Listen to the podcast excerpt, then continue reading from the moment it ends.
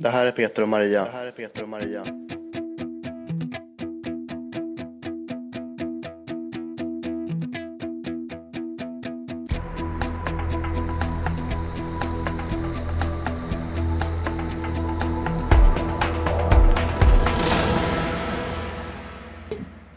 Där får du kaffe. Tack. Så, Det behövs. ja, vad, eh, varför sitter vi här? Vad är det här för någonting? Det här är Peter och Marias podd. Okej. Och det betyder vad? Peter och Marias podd är ett återkommande radioprogram som ska sändas eh, en gång i veckan, eller som man kan lyssna på en gång i veckan. Och det ska handla om sånt som vi är intresserade av. Oj, ja, det låter brett. Och smalt, Ja. och krångligt, och enkelt, Och högt. och lågt. Ja. Ja, Lite opretentiöst ibland kanske. ja det också. Fast vi är alltid lite pretentiösa. Ja. Även när vi inte är. Men du, eh, din misslyckade baron. Ja, kommandoran från Gy lag har uttalat sig. Ja, det är ju hårt. Livet är hårt. Vi är ju då, har blivit beskrivna som två medelålders eh, svennetjockisar från Jo. Och det är ju en, en titel som vi bär med stolthet. Ja, och det är ju egentligen sagt med meningen att vi ska hålla käften. Men det tänker vi inte göra. Nej, vi har ju svårt att hålla käften. Ja, utan vi tänker nog prata om eh, även sånt som kan vara svårt att prata om. Och vi tänker intervjua människor. Flera har vi redan bokat tid med. Precis. ska inte avslöja någonting här och nu. Men intervjuerna kommer ju att handla om personliga saker, om oerhörda upplevelser, Ja, tragedier, ja, trauman, ja, men också roliga saker. ja. Och sånt där som hur man tar, kan ta sig fram i livet kanske. Sådär, va? Så att man, man, vi behöver få infallsvinklar hela tiden därför att alla har någonting att lära. Och då givetvis så har jag också alla någonting att berätta. Och vi tycker om att ställa frågor. Och en av de kanske mest klassiska frågorna av alla är den som jag tänker ställa till dig nu, Peter. Var kommer du ifrån?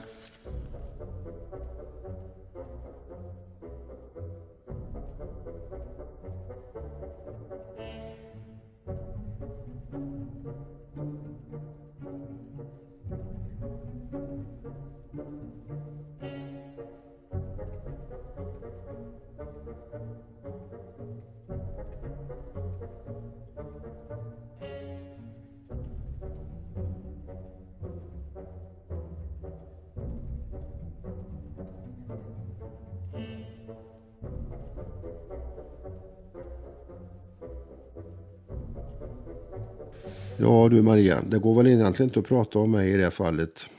Var jag kommer ifrån. Om man inte eh, tar det här med musiken. Som alltid har varit en sorts organisk del av mig. Skulle jag vilja säga. Och vi har ju hört Griegs i Bergakungens sal här. En bit.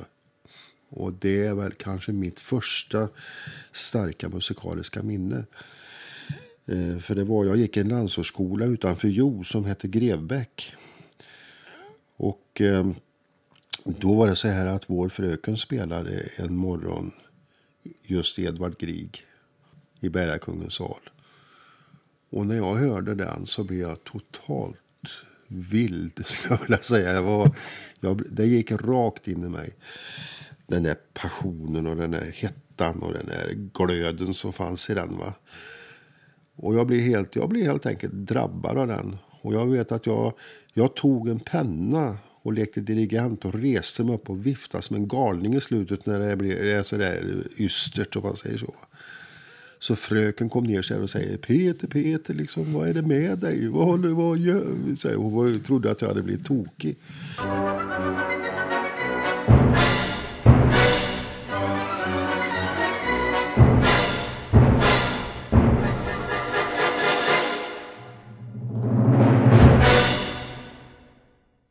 Sen blev ju musiken eh, någonting som följde dig. Du startade ett eget band när du var i tidiga tonåren.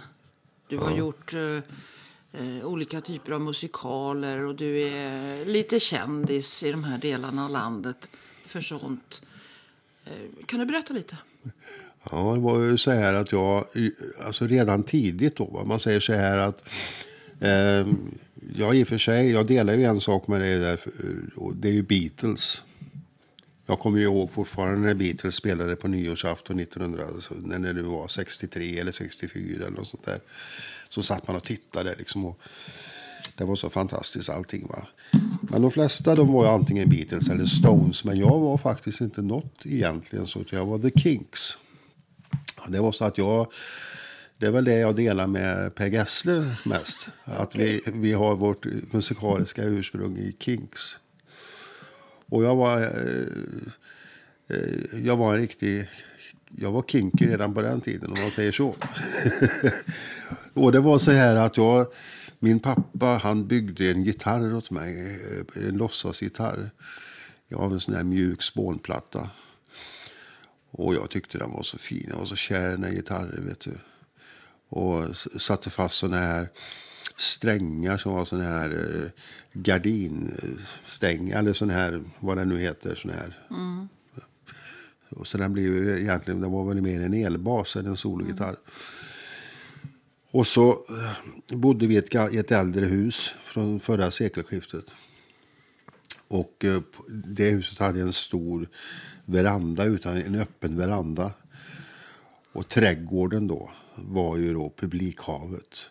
Och jag stod på den här verandan med gitarren och så, och så grammofonen, järnet där inne på Till the end of the day med Kinks. Va? Och så njöt i fulla drag liksom.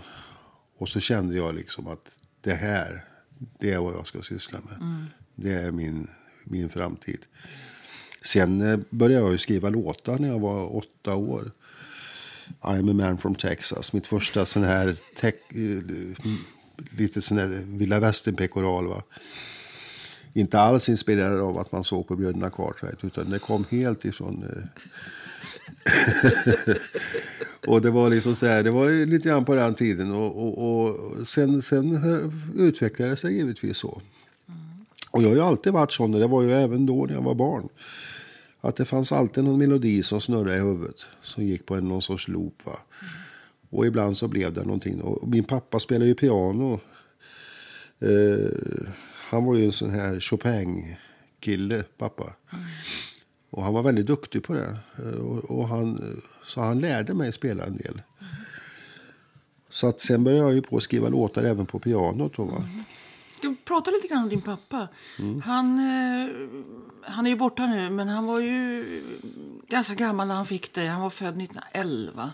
Ja, han var 45 när han fick mig. Ja, och eh, han har ju berättat saker för dig och fått dig kanske att förstå tiden bakåt, historien. Ja, ja verkligen. Och det, han, han kom ju från en tid där människor var det låter ju ganska självklart, men han kom ju från en tid när människor verkligen var från en annan tid. Jag vet, han berättade en sak för mig om en gammal tant som han kände. Som han var så otroligt fascinerad av. Eh, hon blev jättegammal, hon blev över hundra år. Eh, jag har en bild på henne förresten, så jag vet hur hon såg ut. Och han, han berättade att han satt i hennes knä. Och det som fascinerade honom det var just detta att hennes föräldrar var alltså från 1700-talet. Och det tyckte han var så otroligt. Alltså det är ju ett steg till bakåt mm. i historien. Och då kan jag ju känna det liksom att ja, längre bort är det ju inte för mig heller. Mm. Min pappa och så hon och så 1700-talet. Mm. Och när man då ser till min egen släkt va, på, på fädernet så är det ju så att det var många, eh, eller flera av de här männen som fick barn vid, ja, i hög ålder, det är så fel att säga kanske, men i 40-50 års åldern. Vilket innebar alltså att steget bakåt här blir inte så många generationer. Nej, hur många är det till? Eh, det finns ju en förfader till dig där som är den första så att säga, ja, i sex, Sverige. 1630-40-talet kom man hit någon gång, men vi, ja, man vet inte exakt. Va? Och det är ni, ni, han kom från Skottland. Va? Från Skottland. Mm. Det är nio generationer bakåt och det är inte så där jättemycket. Det är betydligt färre än vad många andra har. Men din pappa, eh, född 1911, var konstnär. Och det, där finns det ju en intressant historia kring varför han blev konstnär. Som har att göra med en av dåtidens stora kändisar. Berätta. Det var ju så att min pappa var ju... Eh, det, är ingen, det är ingen överdrift att säga att min pappa var han var ett litet underbarn när det gällde att teckna och rita och sånt här när han var liten. Han var otroligt duktig. Och eh, en, en av de som påverkade honom mest var ju eh, John Bauer. Och eh, han- var ju den stora idolen så att säga. Det var ju inte bara för pappa egentligen för att John Bauer var en nationalidol. Det har vi svårt att fatta idag, hur en konstnär kunde vara. Kanske. För vi har ju inte riktigt det förhållandet till konstnärer idag. Men han var, han var, han var, den, han var ett riktigt hett namn om man säger så. Va? Och min pappa inspirerades väldigt mycket. Och det, han hade givetvis blivit konstnär ändå. Men John Bauer bidrog väldigt mycket till att han satte igång. Och påverkade också väldigt mycket av... Det ser man på en del grejer som han har gjort, pappa. Att, att han hade inspirationen därifrån. Han älskar den här sagovärlden också. Det är lite trollska, lite... Men John Bauers liv slutade ju i tragedi. Ja, det gjorde ju det. Eh, per Brahe, en ångare som gick på Vättern som var på väg från Jönköping. Eh, John Bauer och hans familj skulle till Stockholm flytta och skulle flytta dit. Och så mellanlandade båten i Gränna först och sen så gick den norrut mot Hästholmen som det heter. Och det här var år 1918. 18. I december eller november. I november. Så det är drygt 100 år sedan. Ja. Och eh, då är det ju så här att Hästholmen ligger precis rakt över här. Ifrån Joset. På andra sidan Vättern. på andra sidan Vättern. Och eh, vi har en egen ångare här i Jo som heter Trafik. Och den gick även på den tiden liksom så va. Och eh, den gick ju alltså, den pendlade ju över sjön så att man kunde åka, åka reguljärt över va. Ja, jag vet att elever härifrån Jo gick på gymnasiet i, i Linköping till Ja, exempel. pappa gick ju på läroverket till Linköping. Så då tog han båten över och sen så tåget därifrån. Så att på ett sätt så var det mycket, mycket enklare med kommunikation på den tiden. För idag har vi inte så förspänt. Men i alla fall så var det så här att den här eh, novembernatten så var det eh, kraftig storm på Vättern. Och Vättern är ju en sjö som kan vara väldigt lynnig. Va? Och eh, den hade gått, skulle gå in i Hästholmen kom från Jönköping. kom, från, kom söderifrån från Jönköping och när den, och den så att säga svängde in där så kom nordanvinden och den var fellastad båten vilket gjorde alltså att det blev så starkt sydvind så att båten kapsejsade. Det tog bara liksom 5-10 minuter Och så, var, så, så var allt över och alla omkom. Och då var det ju så att på den tiden färdades ju nyheter på, lite långsammare än idag. Eh, Så då berättade pappa för mig att de hade hört ett rykte att det här hade hänt. Men ingen visste något. Men att trafik var, var ju över så att säga. Och skulle ju komma tillbaka till jord. Alltså båten som var stationerad där i Jo. Mm. Ja, visst. Och, då, och då vet jag att då berättade pappa det att han var nere med, med min farfar då. Va? Eh, och de stod i hamnen där ihop med en grupp andra människor och, vänt, och väntade på att båten skulle komma. Och det var, han sa det var nästan så här eh, filmiskt, alltså du vet lite dimma över sjön. Så kommer trafik in i Johamn. Så ser man först bara liksom strålkastaren som sveper sig här över vattnet. Va? Och, och så um, la den till. Och sen kom de ut och så berättade de att det stämmer, det är sant det som har hänt. Alltså. Och John Bauer var död och det var ett fruktansvärt slag. Och din pappa var sju år då. Ja. Och ser man det i, nationellt i Sverige så blir det ju en landssorg. Det var ju ett otroligt hårt slag. Men det, för mig är det intressant på det sättet att det är en så nära koppling till den här händelsen. Det är som om du nästan själv har varit med om det, eller hur? Ja, det är en del av min, blir en del av min historia. För din pappa har ju spelat en väldigt stor och avgörande roll i ditt liv. Både när det gäller vad du själv har valt att göra men också som en sorts förebild. Ja. En manlig förebild om man så Ja. vill. Ja, jag, är- jag, jag är ju privilegierad, verkligen. Jag är uppväxt med en pappa som dels ständigt var närvarande och så hade många fantastiskt fina, goda egenskaper och, och visade mig total förbehållslös kärlek i alla lägen. Jag har liksom inga traumatiska barndomsminnen. Det finns ju annars en sorts bild av att om man går tillbaka lite grann i tiden så var män de här patriarkerna som pekade med hela handen och som bestämde och styrde och det var barnaga och det var hårt och det fanns inga, inga så att säga eh, vänliga ord. Men det har inte alls Inte, inte ett dugg. Tvärtom. Och eh, jag vet inte om det, är ett, om det kanske är ett familjedrag. För att min uppfattning som jag har fått. Jag har ju släktforskat och läst en hel del om gubbarna och tanterna innan. Är det att det har varit ganska snälla farbröder. Alltså det, det har varit... eh, Det finns ingen som har om, omvittnat eller omnämnt som någon sån där gubbe. Och Då har de ju ändå varit brukspatroner och sånt här va, i, i, på den sidan. Så att det kanske var, ett, inte vet jag. Det, alltså vi påverkas så enormt av far till son till exempel. Va? Och det, det, äpplet faller aldrig så långt ifrån päronträdet eller vad det heter.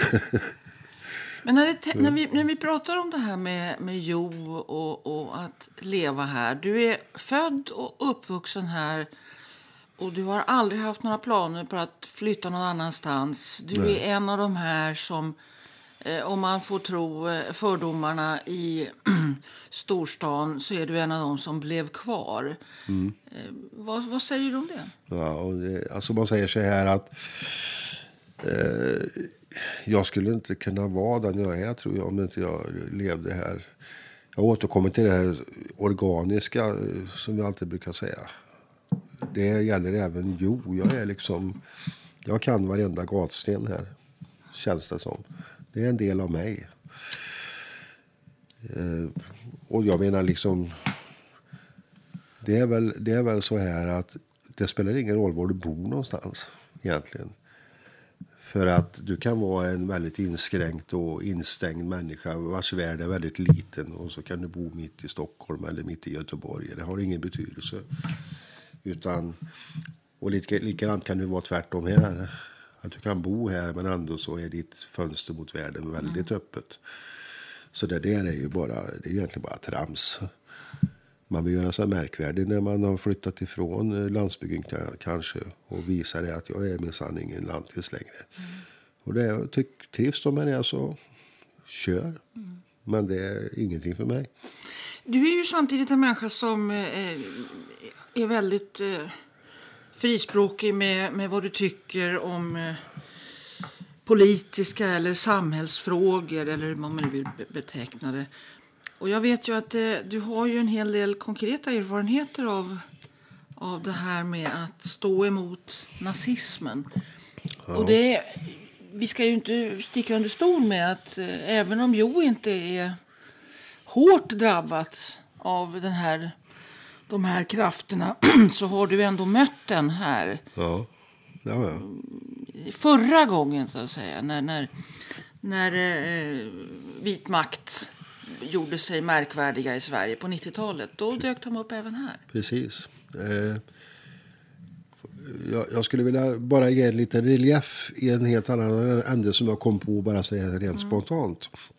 Och det var detta att när jag var liten så hade vi en sån här eh, stor bok med massa spännande bilder i och så. Va? Och där vet jag att det var en, en bild som grep mig väldigt. Idag vet jag att det, är, att det är, var bilden, du vet den här bilden ifrån Babi Yar. Med kvinnorna som står där nakna med sina barn i famnen och sånt. Va? Och jag tyckte att det var en sån gripande och dramatisk bild. Så jag frågade pappa, vad är detta? Och då berättade han för mig. Och sen den dagen så har jag varit en total hämningslös och hänsynslös antinazist. För jag förstod då alltså att det här är nog det värsta en människa kan, kan göra. Liksom. Det här är värre än allt annat. Ungefär så. Va? Mm. Sen är det ju ingen tävling. Liksom det, men, det, men alltså för mig var det så. Mm. Att jag grep så oerhört av detta. Så det har alltid funnits med mig. Va? Mm. Jag har varit allergisk, mm. om du förstår. Bara mm. pang, in, jag, noll. För att för mig är det ingen, det är ingen politisk ideologi. Mm. Utan det handlar om ett förhållande till sina medmänniskor. På något vis. Va? Mm. Hur man ser på andra människor. Um, och då, men det du, det du pratade om då, alltså det var att på 90-talet så kom det ganska nära här. Vilket jag tyckte var väldigt obehagligt. Det var, fanns ju en grupp killar här i O som blev eh, ja, skinnskallar, nynazister. Över en natt. Ifrån en dag till en annan.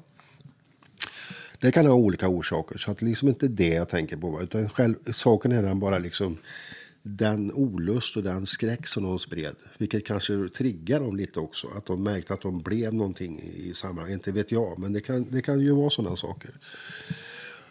Och det blev det att Jo blev per, lite grann samlingsplats ibland för sådana här personer.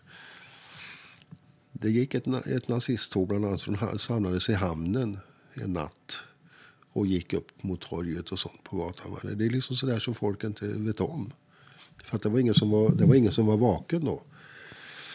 Men, men, eh, så det där fanns där och jag vet att jag reagerade väldigt på det. Och jag, jag, eh, jag fick ett, ett fredspris i den vevan av fredsgruppen här. Som delar, delar ut sånt eh, varje år. Och en del av den så att säga belöningen var att jag fick hålla ett tal på torget fem i tolv. På den här eh, fem i tolv-rörelsen som var väldigt aktiv då. Va? Eh, och då vet jag att jag pratade om detta. Jag pratade bara om nazismen. Och hur den såg sitt ansikte igen. För mitt, min utgångspunkt från, från, i talet var att det, det finns ingen ny nazism. Det är samma gamla nazism. Mm. Det är fel alltså att att tro att det är något nytt som händer. Det är den gamla skiten som ligger kvar som en sorts dålig överjäst deg och bara bubblar upp. Va? Det, var med, det var själva min infallsvinkel. Så var jag ute och gick en kväll. Och kommer eh, ifrån den gatan som går ifrån torget i Jo och ner mot andra delen av stan. Och när jag passerar där så står det en kille mitt, mitt i gatan. Och han har på sig alla, eh, hela munderingen om man säger så. Och alla märken du kan eh, tänka dig. Och så vänder han sig mot mig och så skriker han Sieg Heil och så gör han Hitlerhälsningen. Och jag tände ju direkt liksom. Jag bara klev fram till honom och sa så här, hör du? Säger, så här, hör du? Eh, så säger jag så här att vad du tycker det kan jag inte göra någonting åt. Men mig säger du inte så till. Okej? Okay? Och eh, det borde jag kanske inte ha gjort. Finns det nog någon som tycker. Därför att det blev en otroligt hotfull situation. Och det som skrämde mig då, som jag, som jag aldrig hade stött på, därför att jag har ju aldrig varit någon bråkstake. Va? Eh, det var hans reaktion eh, hans ögon. Som jag kände så här, hajögon om du förstår vad jag menar med det. Va? Så där, döda, kalla, hårda. Som, jag kunde inte nå dem, jag kunde inte liksom se in i dem utan att bara liksom, det var som en ridå. Så att jag tänkte, hur fasen ska jag klara mig ur det här? För det jag märkte var ju detta alltså att jag vill ju bara markera att det här var inte okej. Okay. Men jag var inte beredd liksom att göra något övrigt. Va? Det var inte vad jag var ute efter, men han var det. Jag kände liksom att han skulle kunna döda mig. Jag skulle inte vara beredd att göra något sånt med honom givetvis. Så det var liksom, på det sättet så blev den spänningen oss emellan blev väldigt ojämlik, om man säger så. För eftersom jag, jag förstod att han var beredd att gå mycket längre än vad jag skulle vilja göra. Men du hade tur att det dök upp en människa där. Ja, jag hade tur. För det var så här att jag tänkte så här, hur skön ska jag klara mig ur detta? Um, för jag, jag insåg också att jag stod och tittade honom i ögonen. Det var det enda jag kunde göra. Va? På ganska nära håll. Jag, kunde inte, jag släppte honom inte med blicken. För jag kände att gör du det så du ger honom en lucka, då smäller det. Och jag kunde absolut då givetvis inte vända mig om och gå heller. Eh, först kom det en polisbil åkande uppifrån torget och ner. Och då tänkte jag så här, åh vad skönt, nu kommer polisen, va? nu löser ju detta sig. Så de smyger precis bredvid oss, bara någon meter ifrån oss och glanar ut genom rutan sådär va. Och gör ingenting. Och jag bara tänkte så här, va? De bara åkte. Och här står vi. Och jag tänkte, hur, men jösse hur ska det här gå? Då hade jag sån tur så att jag såg, i vit, jag såg i vitögat att det kom en kille. Och jag såg direkt att det här var en kille som visste vad han... Alltså han hade någon sorts pondus sådär va. Han var förmodligen, skulle jag tänka mig, fallskärmsjägare eller fjälljägare eller något sånt där. Han var militär, det är jag helt övertygad om. Eh, han såg det här direkt. Så han satt 25 meter bort satte han rak kurs mot oss. Och sen när han kom fram till oss så tog han honom bara så här i bröstet. Och så sa han så här, nu går du med mig, säger han så här, med en sån där myndig stämma. Va? Nu kommer du med mig. Och så vände han sig till mig och sa så här, passa på att gå. Sen vet inte jag vad som hände. Mm. Jag bara, jag passade på att gå. Jag gick direkt. Mm. Men det var en sån här när jag kände liksom att den här världen ibland som man bara läser om. Att den kom så nära helt plötsligt. Och samtidigt kände jag så här, jag kan inte backa. Jag kan inte backa. Vad säger du om det här med rädsla? Alltså att vara rädd att säga nej, jag vågar inte göra sånt. Det där är, det där är sånt skulle jag aldrig göra. Ja. Jag är för rädd. Jag moraliserar inte över någon annans val. Utan det där är alltså... Det, där är, det kan också vara väldigt dumdristigt ibland att göra någonting. Eh, för att det finns, det finns inget egenvärde i att utsätta sig för fara eller att eh, råka illa ut. Va? Du, kanske, du kan göra mer nytta av kanske att hålla tyst och bara ta upp telefonen och ringa polisen till exempel. Det kanske du gör mer nytta. Man ska liksom inte leka hjälte heller. Va? Det, är inte, det är liksom inte det jag menar med att visa mod. Men samtidigt så kände jag det, i den situationen så kände jag det var mig han tilltalade också, personligen. Och då kände jag att då markerar jag. Ehm, det var fel person att säga detta till. Eh, och så, jag vet inte, men det, det där är väl... Eh, det är ju från fall till fall givetvis. Men jag tänker hela tiden på Lejonkungen. Du vet. Eh, Simbas pappa säger så här att vad modig är man när man är rädd. Att man gör det som är rätt, som man tycker är rätt, fast man är rädd. Mm. Det, det, är det som är mod. I annat fall kan det vara bara dumdristighet. Men då, och jag känner väl det ibland mm. alltså att människor i, i, i gemen kanske reagerar alldeles för lite på grejer. Mm. Jag kan ju läsa om sånt här till exempel i, som händer på en del bussar eller sådär. Va? Då tänker man så här, vad ingen gör någonting. Jag skulle aldrig kunna stå eller titta på när någon råkar illa ut.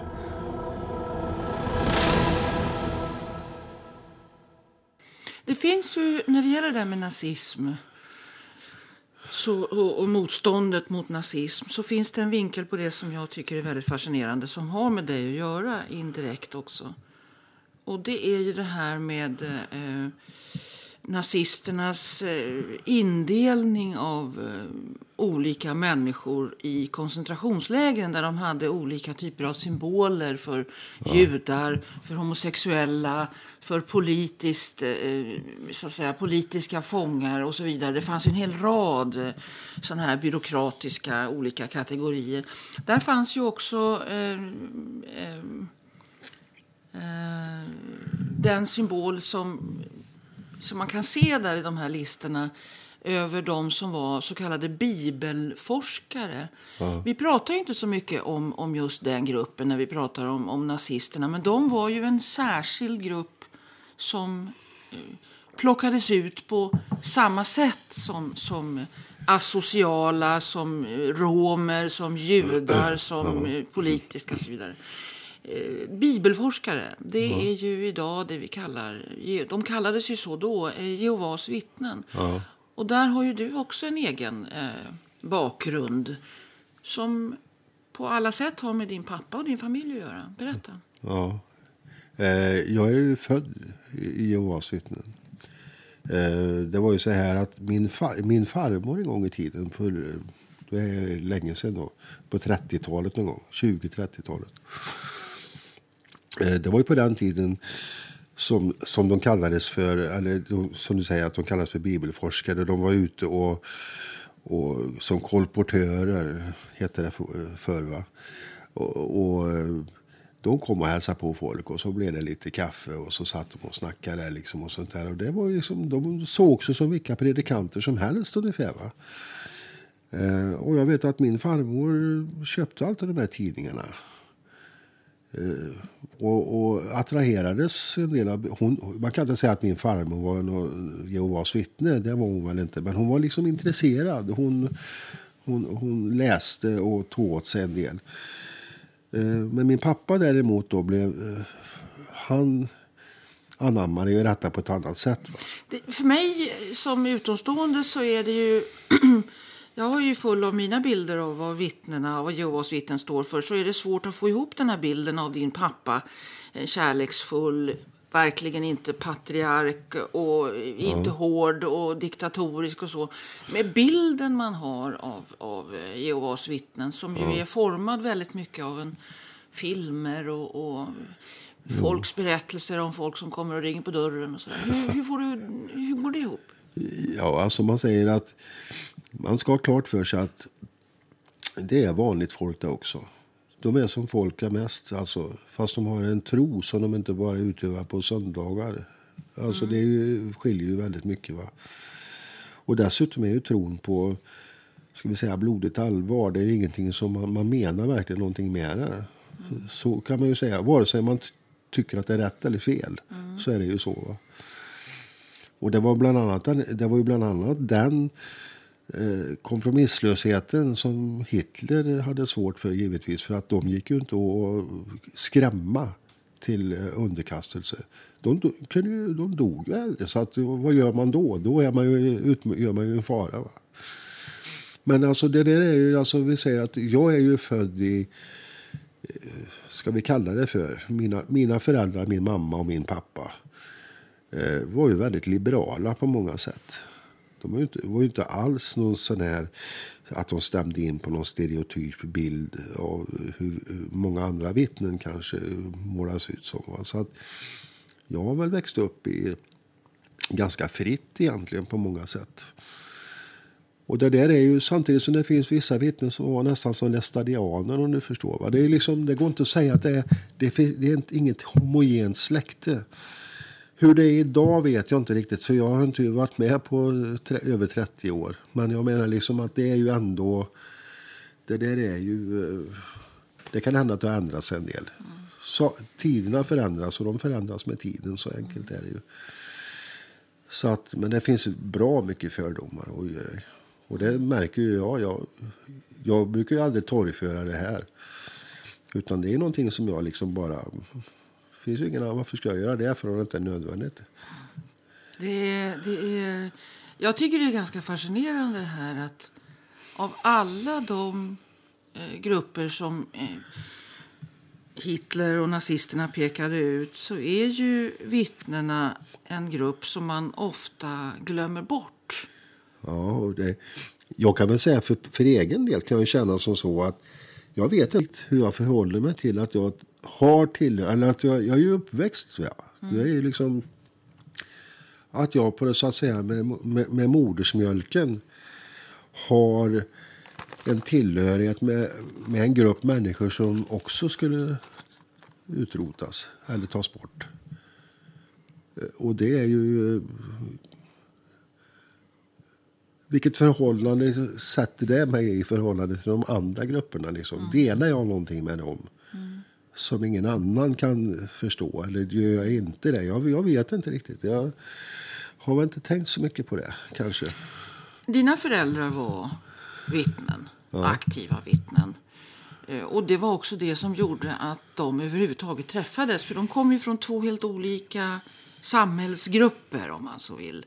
Ja. Din pappa från den här så att säga, långa traditionen av brukspatroner och så vidare. Ända tillbaka till 1600-talet. Och så din mamma. Ja, statare, statarunge. Precis. Eh, och, och, de träffades via, via församlingen, via vittnena. Ja. Eh, men din mamma, eh, vad, hur har hon och hennes bakgrund präglat dig? Ja, Alltså om man säger så här, min mamma hade ganska mycket... Hon var en, väldigt ömsint, kärleksfull människa. Men hon, hon kom, blev aldrig fri ifrån sitt, eh, sin egen historia. Jag vet att hon, hon berättade för mig om det här, liksom, med hennes uppväxt liksom i i den här extrema fattigdomen, den här förnedringen som de fick leva i. Tra, trasiga kläder. De levde verkligen upp till de här gamla, du vet. Det, man fick gå 3-4 kilometer till skolan. Va? Det var liksom så här ungefär att eh, hela den här bilden stämde verkligen på henne. Va? Utsatt för penalism och lärarna var ju väldigt elaka mot dem. Va? Mm. Till och med en sån sak. Det var ingen nåd någonstans. Liksom. Och när, man kom, när de kom hem från skolan så hade de ju, var det bara att sätta igång och jobba. Liksom. Det var stenhårt. Och det är klart det formade henne. Och hon, hon har ju fört över vissa saker på mig.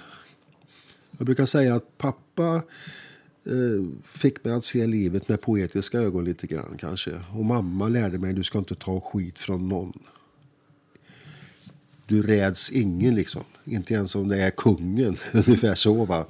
Det spelar ingen roll. Bär de sig åt som ett arsle, då ska de ha det. Alltså det, och det där har jag med mig lite grann så här. Blir jag bara förbannad, vet du, då skiter jag i vem det är. Alltså ungefär så. Mm. Det betyder ju inte att jag inte kan uppföra mig, men alltså just det här.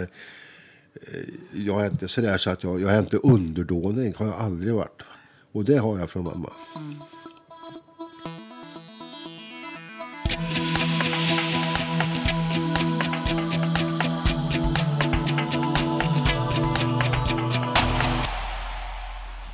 I nästa program ska jag ställa samma fråga till Maria om var hon kommer ifrån.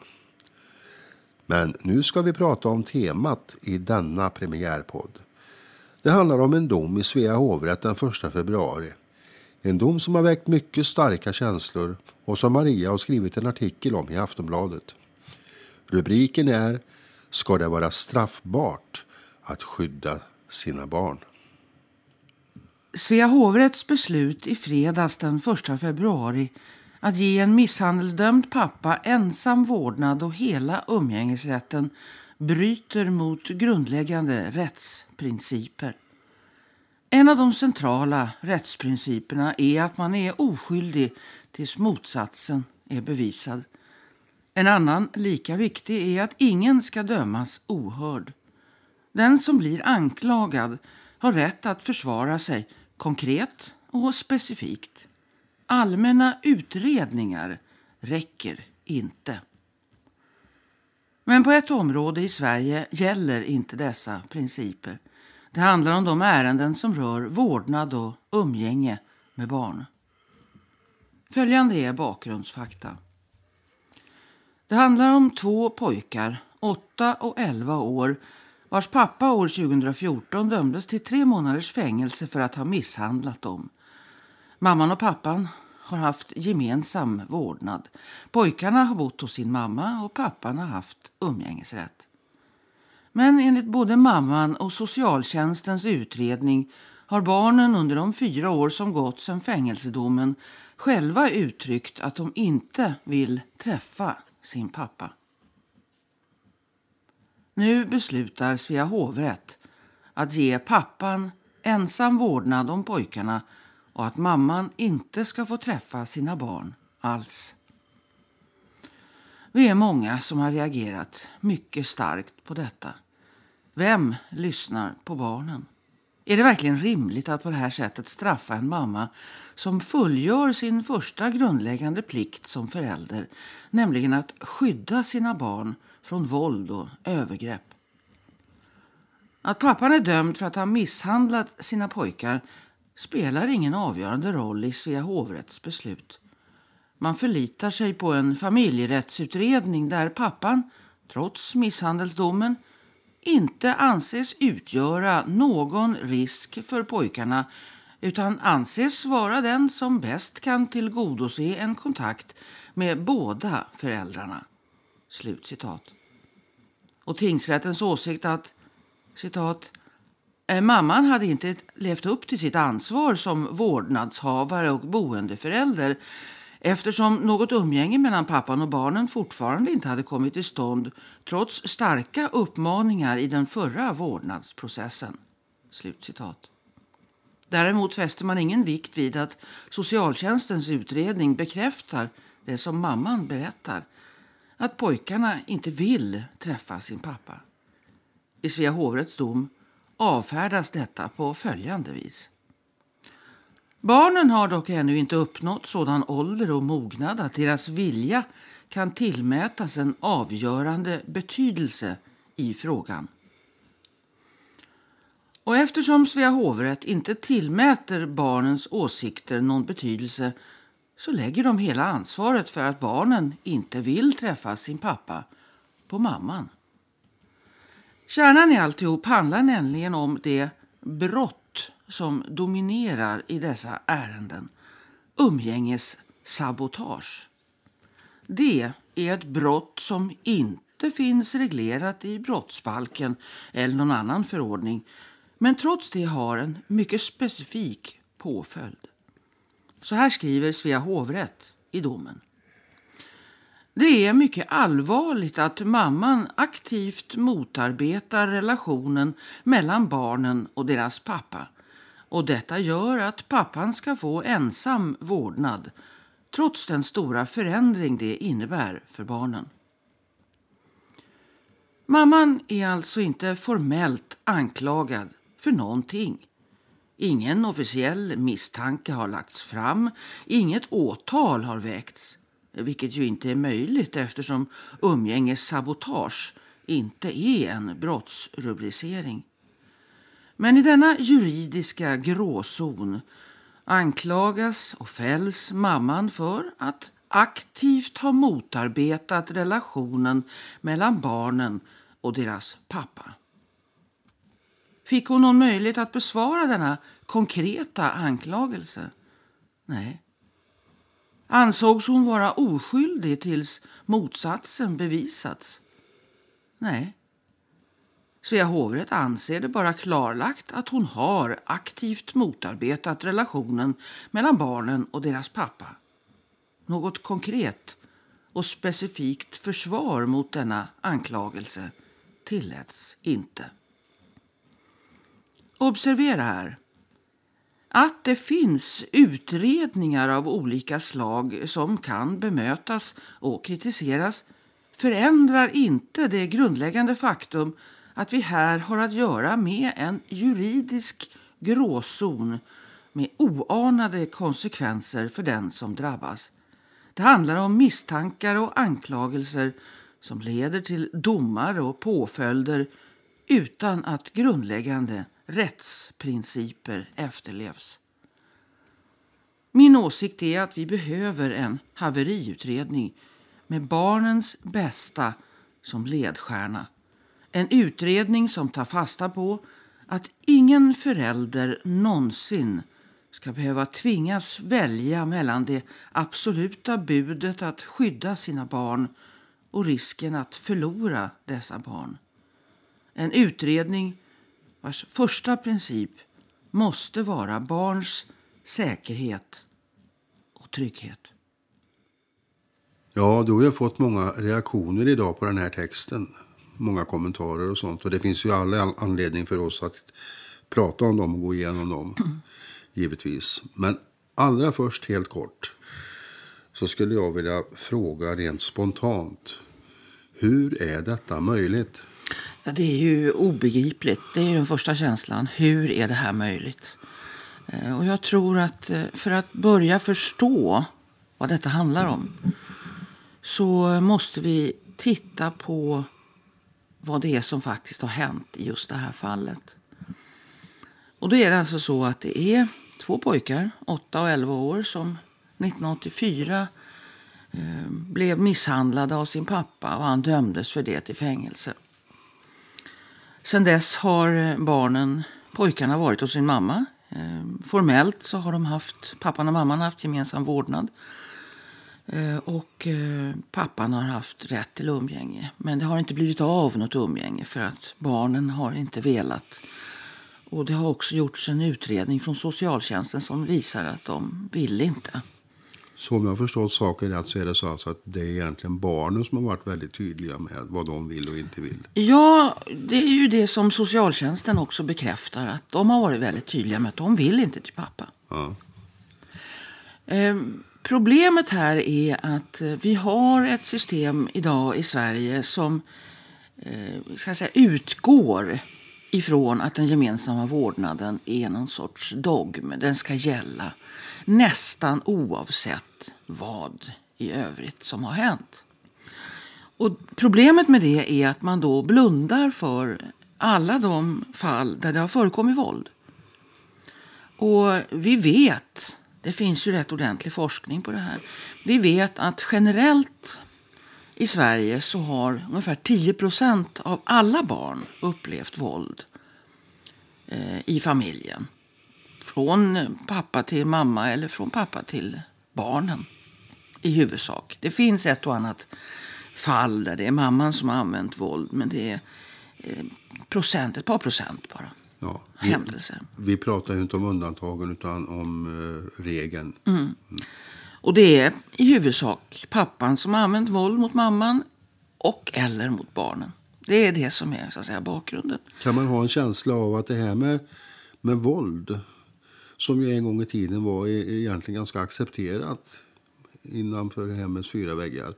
Kan man säga att det har varit så accepterat och finns inom citationstecken en sån tradition så att man, man lägger inte den, den vikten med det som man kanske borde göra. Att ja. det liksom är som, man ser det nästan som någon sorts...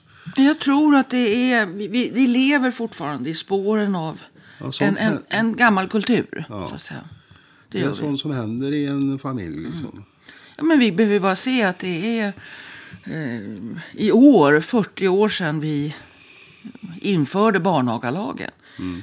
Före, före, innan dess så var det ju tillåtet att slå sina barn. Det var ju helt accepterat. Mm. Och går vi tillbaka ett par decennier till så var det ju också tillåtet för en man att slå sin hustru. Han fick inte slå henne så att hon hamnade på sjukhus. Nej. Men eh, det var ändå tillåtet att göra det. Och då är vi någonstans i mitten på 60-talet eller? Ja, alltså att, för en man att slå sin, sin, sin uh, fru, det förändrades på 40-talet redan. Alltså ja. att man principiellt inte fick göra det. Men i praktiken så innebar det att att hon eh, uppvisade hon sådana skador så att hon blev tvungen att ta in på sjukhus eller få vård så kunde det ändå bli, bli eh, Vad har jag fått brottslig. det årtalet ifrån? Någonstans 65 eller 60? 65 det, det, är det årtalet där det blir kriminellt att våldta sin fru. Ja, så var det. Mm. Det är det som hände på, på 60-talet. Det var alltså inte kriminellt före det? Nej. En, en, kvinna kunde inte polisanmäla sin man för att ha blivit våldtagen av honom. Okay. Före 65. Eh, och det är först i eh, början på 80-talet som det blir, faller under allmänt åtal att, att um, misshandla sin fru eller sin sambo. Mm. Det vill säga, ända fram till dess så krävdes det att hon själv polisanmälde. Och gjorde hon inte det, då kunde det inte bli något, något polisärende. Mm. Att... Utan då betraktades det som en tvist mellan två så att säga, likvärdiga parter. Ja. Så att detta är ju egentligen någonting då som är tämligen nytt i vårt samhälle. Ja, det är... Det ligger, nära, ligger väldigt vi, nära. Vi har det i, i så att säga, vår kultur på ett ja. ganska närliggande sätt. Jag menar det, vi pratar ju liksom om tider när både du och jag egentligen var vuxna. Ja, visst. Och det här med våldtäkt, då gick vi ju liksom i småskolan. Ja. Så att jag menar, det är ju, det är ju, en det är ju inte medeltiden. Nej, det är ju en tid som vi Nej. kommer ihåg. Tittar vi ännu längre tillbaka så kan vi se att eh, regeln i svensk lagstiftning historiskt sett var att pappan hade all makt. Eh, pappan fick automatiskt den totala vårdnaden om barnen. Även de barn som han hade fått utanför äktenskapet. Det är det här ägandet alltså. Ja, precis. Alltså, det är helt uppenbart att det handlar om en syn på barn som att det finns någon som äger dem. Och i första hand då pappan äger barnen. Det där kan man väl känna egentligen ibland också tycker jag. Eh, Jag tror att du håller med mig där. Att när man diskuterar eller ser diskussioner om sådana här saker så märker man att det där finns liksom att det är, egentligen är det han som bestämmer. Egentligen är det mannen som är huvudet i familjen. Det är han som så att säga äger de andra. Va? Han äger situationen i alla fall. Och, eh, Ja, jag hoppas vi ska återkomma till det här med ägande. För jag tror att det, det, det avslöjar... När man väljer att se på, på relationer mellan män och kvinnor i termer av ägande så ser man ett mönster som är är otroligt fascinerande. Ta till exempel det här klassiska att eh, om man sitter i en bar själv som kvinna och, och så kommer det en kille och är intresserad av att söka någon sorts kontakt och själv är man inte ett dugg intresserad. Då finns det bara en enda sak som hjälper om man vill bli av med honom. Och det är att säga min man kommer snart eller min pojkvän är snart här. Det vill säga signalera jag är redan ägd. ja, just det. Och då drar han. Alltså det hjälper inte att säga jag har, det skulle inte hjälpa att säga att jag är jättesjuk och du kommer bli smittad. Jag är otroligt ointresserad, jag tycker du är jätteful. Det finns ingenting som hjälper. Det enda, Han tror bara då att du spelar hard to get. Liksom. ja antagligen, det finns någon sån... eh, Han är ju o- oemotståndlig. Men, men, Mm. Men är man ägd, om man som kvinna är redan ägd av någon annan. Då är det eh, ett fullgott skäl för en man att backa det, det där kan jag ju säga är eh, rent bokstavligt. Så, så har jag ett färskt exempel som bara dök upp nu i mitt huvud. Och det var en, eh, en bildserie jag såg på någonstans på nätet som bara dök upp. Ifrån en bikerträff i Florida i USA. Det var sån här, eh, ja, inga sådana som åker omkring i skinnställ om man säger så, utan andra bikers. Och deras kvinnor, och, då, och det här såg inte ut som några små eh, försvarslösa flickor, utan det var vuxna kvinnor i 40-årsåldern, en del som de ut att vara. Så hade de t-shirtar på sig. Där det står property på, va? Egendom. Och i det här fallet så betyder det en signal. Det här är tassarna bort. Försök inte lägga an på den här tjejen för hon är upptagen. Ja. Det är framförallt det det betyder. va?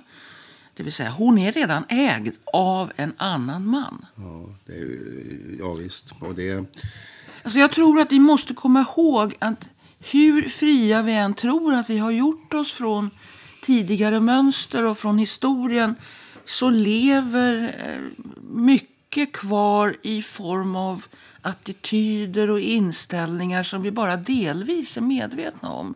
Alltså det finns ju här fina ord som att vi lever i en struktur och så vidare. Och jag tror att det, det ibland så kan det göra att vi inte ser vad det handlar om. Utan att det det handlar om är just detta, va? att vi har en historia. Du menar alltså att det finns egentligen ett ganska tydligt eh, genusperspektiv i det här? Ett, eh, alltså ett, ett, det är en del i patriarkatet. Ja, Att man ser, det kan man väl säga. att man ser på, på familjen på det här sättet som man gör i domstolarna till exempel i Sverige.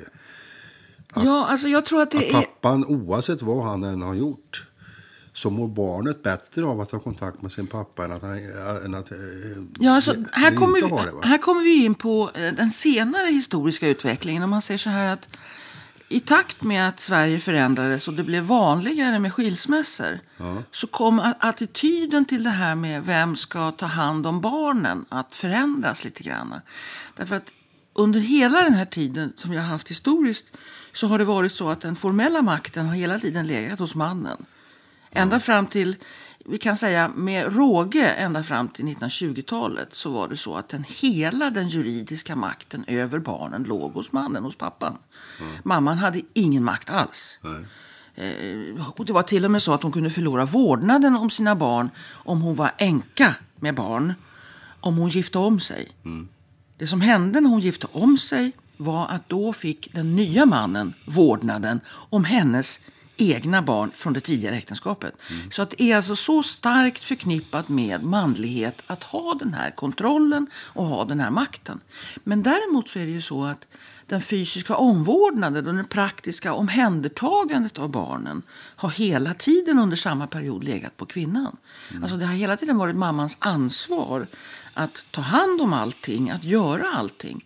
Och det här började ju successivt lite grann förändras någonstans på 70-talet. Och det sammanföll med att skilsmässorna ökade.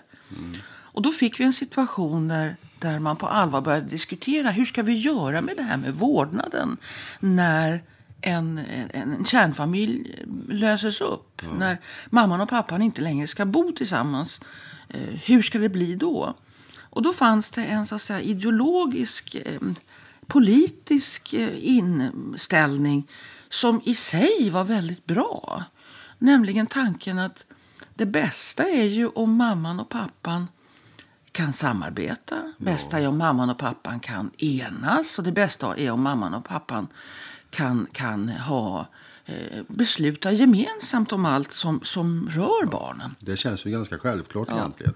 Det är ju Men- jättepositivt. Men om man säger att om man ska vara realist så är det ju bara att inse att verkligheten är ju inte fyrkantig på det sättet. Nej, alltså det, det, det, det finns en, en stor viktig sak att poängtera här. Och det är att i de allra flesta skilsmässor eller separationer så, så eh, eh, är det ju två vuxna individer som inte längre älskar varandra eller som inte längre vill bo med varandra eller som har hittat en ny partner eller någonting sånt. Och de försöker göra så gott de kan för att barnen ska ha det så bra som möjligt. Men så finns det också ett antal fall där det har förekommit våld i familjen.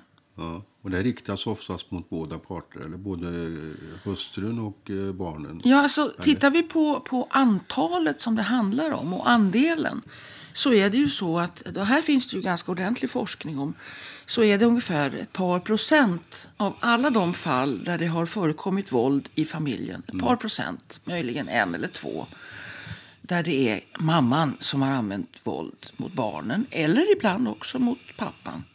I alla de övriga 98 procenten av fallen så är det pappan som har eh, använt våld mot eh, mamman och eller mot barnen. Där är det ju många då som gärna vill, vill så att säga balansera upp det genom att säga att det inte bara är män som slår utan det gör, gör även kvinnor. Eh, vilket ju också är sant. Det, det händer ibland. Men det är ju inte där som själva det stora problemet ligger. Nej. Utan det känns ju som ett sätt att, så att säga, flytta fokus ifrån vad huvudfrågan egentligen gäller. Alltså jag tror att väldigt många som, som eh, läser om det här och som blir upprörda, eh, de, de reagerar lite grann som, som de gör, eh, eller som vi alla gör när vi ska diskutera skolan. Vi tror att vi vet någonting om skolan därför att vi har gått i skolan när vi var små. Och så tycker vi det ena och det andra. Det ska vara si och det ska vara så. Men vi har ingen egentlig kunskap om hur det faktiskt ser ut idag. Eller någon helhetsbild. Va? Utan vi har en väldigt eh, så att säga, personlig och väldigt, väldigt egen bild utifrån vår egen erfarenhet. Det märker man ju också då, om vi säger på en del av de här, och om vi ska komma in på det också, de här kommentarerna du har fått idag. På olika sätt. Eh, och även jag faktiskt, som delade din eh, text och så här, har ju också diskuterat detta lite grann. Att man känner det liksom att någon menar på att eh, frågan är om detta är rätt eller fel. Va? Är det sant eller falskt? Man ifrågasätter alltså att det här skulle vara sant. Och då bottnar det i att man själv har en dålig erfarenhet. Jag tror att de allra flesta som, som är vuxna och, och som är i vår ålder, ska väl säga har fyllt 60, då har man ett eller ett par förhållanden i sitt liv bakom sig. Det är några som har levt hela livet med samma partner, men väldigt många har ändå erfarenheter av att ha ett längre förhållande, kanske med barn, där, som har tagit slut. Och det, det, människor, det misstag människor ofta gör är att man då drar slutsatser om hur det är för andra utifrån sina egna erfarenheter. Och har man då inte upplevt våld i familjen själv, då har man väldigt svårt att föreställa sig hur det kan se ut. Ja. Och jag tror att det, det är väl första lärdomen att vi måste börja med att skilja på så att säga, vanliga separationer utan våld och Precis. separationer där det finns våld. Men frågan är om frågan är vi pratar om det här egentligen. För jag, jag kan ju känna det alltså att jag är uppväxt på ett sätt så att jag har ju aldrig upp, upplevt någon sorts våld i familjen. Vare sig mot mig eller att någon annan i, inom familjen så va. Däremot så är jag ju inte ovetande om andras situation. Och det kan ju faktiskt bero på, för det vet jag ju när vi har gäster ibland och sånt där, att vi, vi pratar ju om sånt här. Och då får man höra att man märker att oj, det är ju nästan varenda kvinna som vi pratar med som har upplevt någonting. Kanske inte med sin, givetvis inte med sin nuvarande partner ofta då, utan det är, men alltså i historien så har de alltså upplevt att nästan ingen kan säga att nej, jag har aldrig varit med om någonting. Och det där är ju någonting alltså att jag tror att vi skulle kunna öka vår medvetenhet ja, om vi vågade prata med, män- med varandra om detta. Jag tror att det är viktigt där att komma ihåg att, att eh, jag har heller aldrig faktiskt på en rak fråga till någon kvinna fått höra jag har aldrig varit utsatt för våld. Nej. Aldrig. Jag har aldrig fått det svaret från någon kvinna som jag har frågat. Och eh, Det där kan ju vara väldigt svårt att ta in. Men jag tror att den första viktiga eh, tanken som man måste tänka det är att det är inte alla män men det kanske är så gott som alla kvinnor. Det vill säga, de män som är förövare Ja. de gör det här igen och igen och Precis. igen och igen och igen. Så att det krävs inte att alla män gör det för att alla kvinnor ska ha varit utsatta. Det finns ju jag menar, exempel där du har en man som har, har haft kanske åtta kvinnor i längre eh, förhållanden. Där han har, allihop har hamnat på sjukhus. Ja. Och det gör att eh, de här åtta kvinnorna har ju erfarenheter, men det är bara en man som är förövare. Och då kan man eh, som, så att säga, som oskyldig man kan man då inte tillbakavisa detta och säga jag har inte och jag känner ingen. Därför att det behövs inte. Det räcker att en man förgriper sig på åtta kvinnor för att det ska bli ganska många till slut. Ja, och jag menar, ni, ni kvinnor vet ju ändå Ja, alltså, jag kan bara säga att de det. flesta Att, män håller ju inte på så här. nej, det, alltså det, Det behöver man inte poängtera. Nej, det behöver man inte poängtera. Det, det, det, är, det är så självklart så att det behöver man inte Men det har säga. ju blivit en sån liksom eh, diskussions...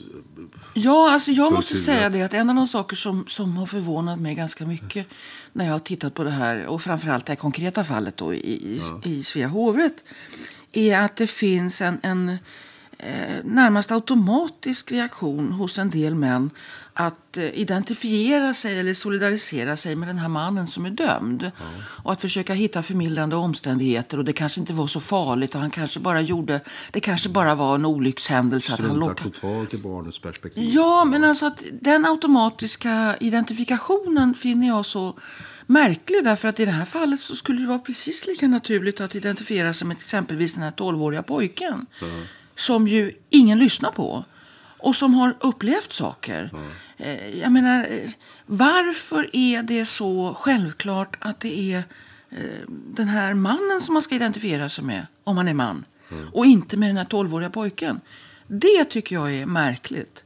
Eh, Men jag menar, delvis så tror jag att det handlar om att man måste på något sätt skärskåda sina egna mer eller mindre just automatiska reaktioner och fundera varför känner jag så här? Varför tänker jag så här?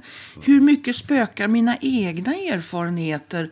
Och varför känner jag mig på något sätt anklagad utan att vara anklagad? Och sådana Man, saker. men man är, det är ofta så att, att må, många män går igång direkt va? på, på sådana här frågor. Av någon outgrundlig anledning. Därför att någonstans så tror man ju ändå att de inte håller med om att det här är bra. Eller det är Ja, ja. Jag, jag är övertygad om att de allra flesta, eh, så att säga, första reaktionen är det här kan ju inte vara rätt, att det ska vara på det här viset. Men om vi då återkommer till just det här fallet i Svea hovrätt så tror jag att eh, eh, för att förstå varför det rent formellt blir så här så måste vi gå tillbaka till den här mycket, mycket kloka inställningen att vi ska ha jämställda föräldraskap och vi ska ha eh, så att säga, par som ska kunna vara vuxna och diskutera med varandra och komma överens och enas kring vad som är bäst för barnen och allt sånt. Det är ett ideal. Men vi, behöver, men vi, men, vi, vi, behöver inga domstolar som ska uppfostra oss. Ja, nej, men precis. Alltså, det, problemet är ju här att när vi får domstolar som ska försöka uppfostra oss till att bli jämställda föräldrar. Pappa och mamma som beter sig på ett visst sätt. Mm.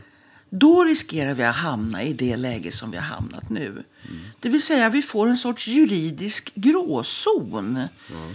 Där då eh, en, till exempel en mamma som inte, som inte lys, lyssnar, tycker då rättssystemet, och beter sig på det här sättet och, och är en förnuftig människa och resonerar och diskuterar på klokt vis med sin förövare. Mm. Då ska hon straffas. Mm. Och det man missar är att här har man alltså då på någon sorts, med någon sorts underkraft underifrån infört ett system som innebär att man bryter mot grundläggande rättsliga principer. Mm. Därför att här handlar det alltså om ett brott som jag vill sätta inom citationstecken för det finns ingen brottsrubricering. Det finns ingenting som vi kan säga hon är åtalad för detta och detta. För det finns inget sånt brott. Likväl så är det ett i praktiken ett brott med en misstanke, en misstänkt person som också eh, kan förklaras skyldig och där det utdelas en påföljd. Och detta brott är då det som kallas för umgängessabotage. Mm. Och det här brottet har då i det svenska systemet blivit det värsta brottet av alla. Mm. Alltså att om du saboterar, det är som om du utmanar den statliga makten att inte lyda den här eh, pedagogiska pekpinnen från statsmakten att nu ska ni prata med varandra. Mm. Nu ska ni komma överens och nu ska ni vara vuxna och bete er på det här och det här sättet. Och gör ni inte det, och den som inte gör det förlorar sina barn. Det här rimmar ju egentligen alltså väldigt illa känns det som med det här eh, vanliga sättet som man brukar se på barn. Va? Det är liksom att barn ska alltid... Det är cykelhjälm och, och, mm. och det är vadderade grejer överallt. Och, och, och, man ska skydda hörnen i köket så de inte mm. ska slå i huvudet. Och att, mm. Alltså vi har en väldigt... Vi, vi lindar in hela deras tillvaro mm. i någon sorts vaddering för att de mm. inte ska skada sig. Och, mm. Och vi har en sån här väldigt puttinuttig inställning till barn. Och så gör man så här. Mm. Att, att här betyder plötsligt inte barnen uh, någonting tydligen. Nej, men det, det, det sjukaste tycker jag i alltihopa det här, det är att den här överordnade normen om det jämställda föräldraskapet, som ju är en fantastisk, ett fantastiskt ideal, men som vi ligger så oerhört långt ifrån att, att verkligen ha. Mm. Att försöka införa det med den här typen av, av regler och principer och utredningar där det juridiska systemet helt plötsligt börjar utdöma straff utanför alla juridiska principer. Det är ju, det är ju egentligen väldigt, väldigt bisarrt. Och, och, det, och jag menar, det som är det sjukaste i alltihopa det är just det här att, att den här idén om gemensam vårdnad har blivit den absolut mest övergripande dogmen av alla. Man pratar som om det handlar om barnens rätt och det är barnen som ska sättas i första hand. Men så är det inte. Nej. Utan det, det som sätts i första hand, det är gemensam vårdnad. Därför att man har en dogm som säger att gemensam vårdnad är det som är bäst för barnen. Barnen som ägodelar. Ja, men alltså Vem ska det- ha, vem, det- det- vem ska ha första- soffgruppen och vem ska ha barnen? Ja, det, för det första så är det ju fullständigt självklart att det är, inte, det är inte alls säkert att den gemensamma vårdnaden är det alltid bästa för barnen. Det är inte alls säkert. Det är faktiskt ett, ett påstående som man kan skärskåda och som man kan diskutera. Men idag, av så att säga, systemets perspektiv, så betraktas detta som en dogm som man inte kan ifrågasätta. Den som ifrågasätter denna dogm riskerar att förlora sina barn. Tycker inte du att det känns lite konstigt det här att, i, i sammanhanget? Att eh, en kvinna som inte är beredd att försvara sina barn har ju historiskt sett varit nästan förskjuten och förkastad. Va? Man, gör, man, man ger sitt liv för- för sina barn. Och, gö- och är man inte beredd att göra det, då är man en riktig jädra skitmorsa. Och så när hon gör det, då får hon det hårdaste straffet egentligen en mor kan få. Att förlora vårdnaden. Det är fruktansvärt. Det är, alltså det, det är ju det här som blir resultatet av, av det här eh, underliga systemet blir ju att en kvinna som försöker skydda sina barn riskerar samtidigt att förlora sina barn just därför att hon skyddar dem. Och den, det är moment 22, alltså den här så att säga, paradoxen, den måste bort. Och Alltså det, det, det tycker jag är, det borde egentligen vara så fullständigt självklart att på något sätt måste vi få bort detta. Att det är på det här sättet. Eh, och att det kan så att säga motiveras. Sker ibland, alldeles för ofta. Det här visar också forskning att det är så här eh, så att säga, eh, tingsrätternas och hovrätternas domar ser ut i praktiken. Utgår man ifrån att när eh, mamman hänvisar till att hon skyddar sina barn, att han är våldsam, att han har eh, sexuella övergrepp eller vad det nu kan handla om, så ljuger hon. Ja. Det är det som man på något sätt automatiskt antar. Ligger i mytologin. Alltså det är, man utgår ifrån, och det här testas inte heller i någon juridisk mening, det finns alltså en underförstådd anklagelse om att hon säger inte det som är sant, eller det hon upplever som sant. Hennes rädsla är ett påhitt för att, så att säga, tilltvinga sig vårdnaden mot hans vilja. Den här bilden av att det pågår någon sorts systematiskt ljugande från dessa mammor finns det ingen som helst empirisk grund till. Det finns ingenting som visar, när man har kollat detta vetenskapligt i olika studier, finns det ingenting som stödjer den tanken att kvinnor systematiskt skulle ljuga. Det finns ingenting. Och det här betyder att du har en situation där du faktiskt dels misstänkliggör kvinnor som berättar om våld och dessutom använder dessa påståenden som de gör som ett argument för att de ska förlora vårdnaden. Och det finns alltså mängder, mängder, mängder av mammor som har lärt sig detta, att det är så det ser ut.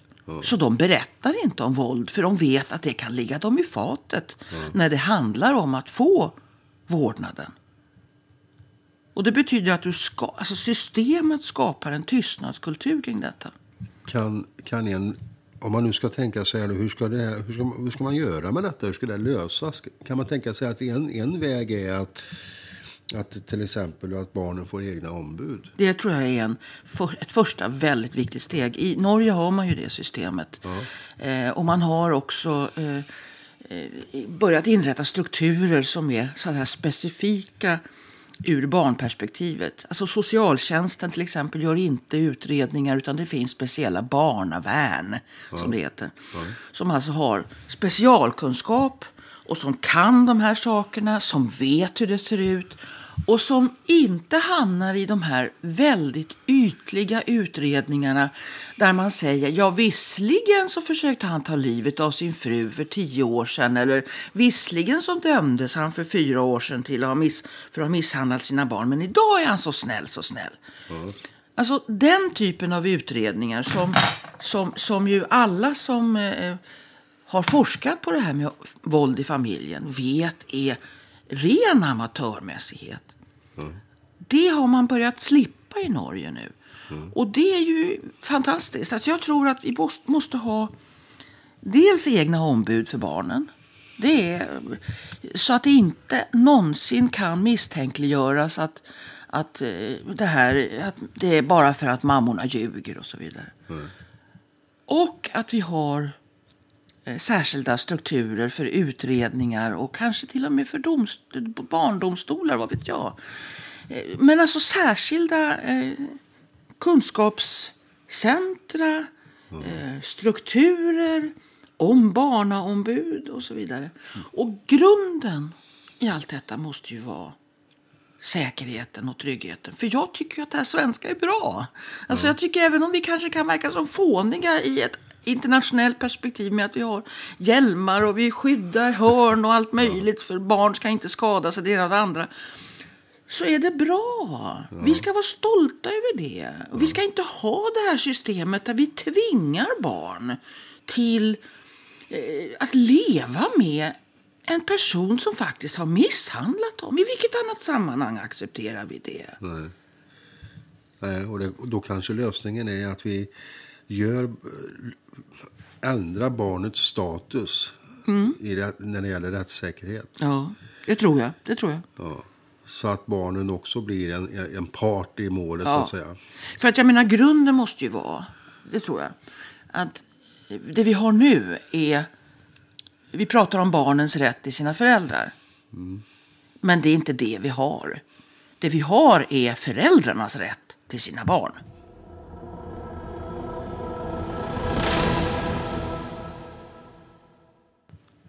Det är ju lätt att tro att det var bättre förr då. Innan vi skilde oss så mycket som vi gör idag. Och innan vi hade alla dessa nya konstellationer och familjebildningar. Men eh, vi vet ju att så var inte alltid fallet. Nej. Eh, Och jag, du möter ju många kvinnor som berättar saker för dig och så vidare. Och jag tänkte att du kanske har någon berättelse från fordon som du skulle kunna berätta som är, ger en sorts relief till att det här var inte alls bättre förr.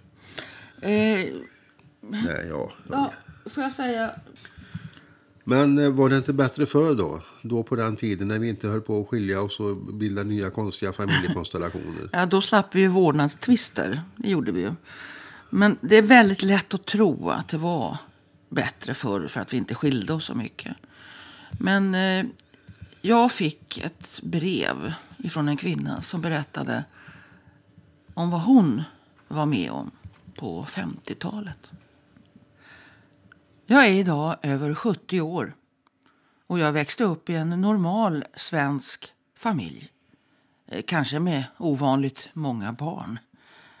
En gång när jag var liten gick jag till barnavårdsnämnden och berättade om min pappas sexuella övergrepp.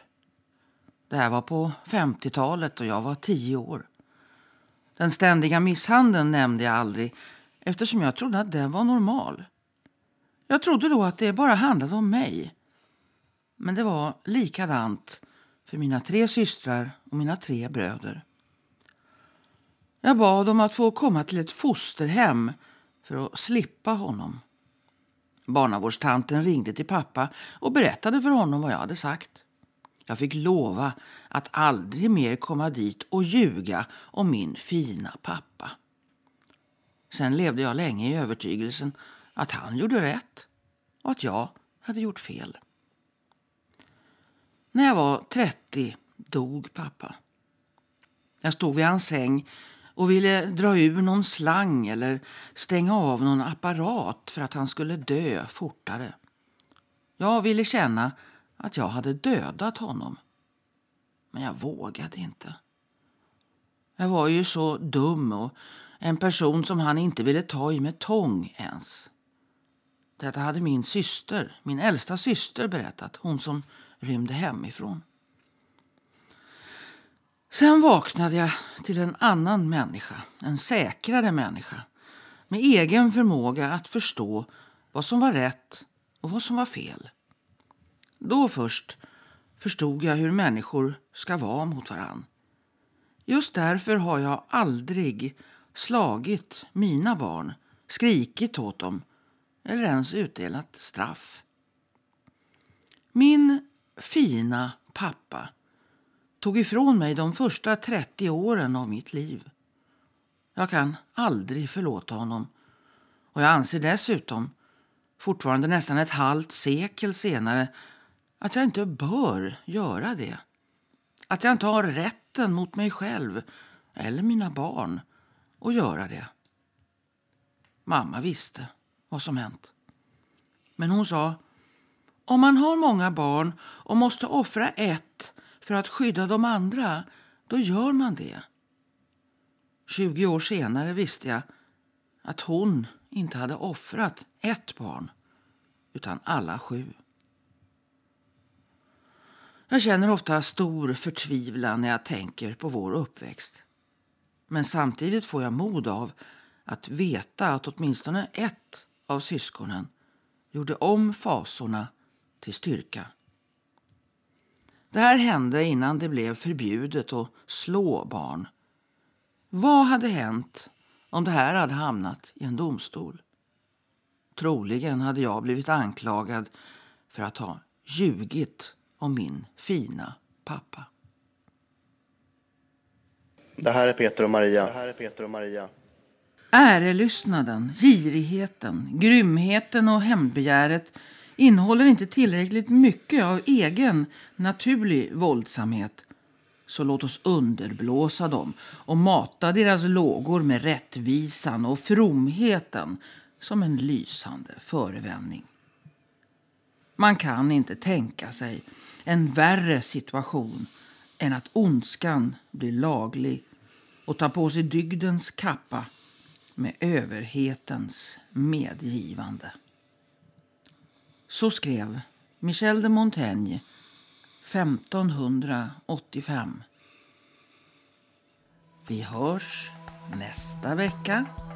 Spring och skrik.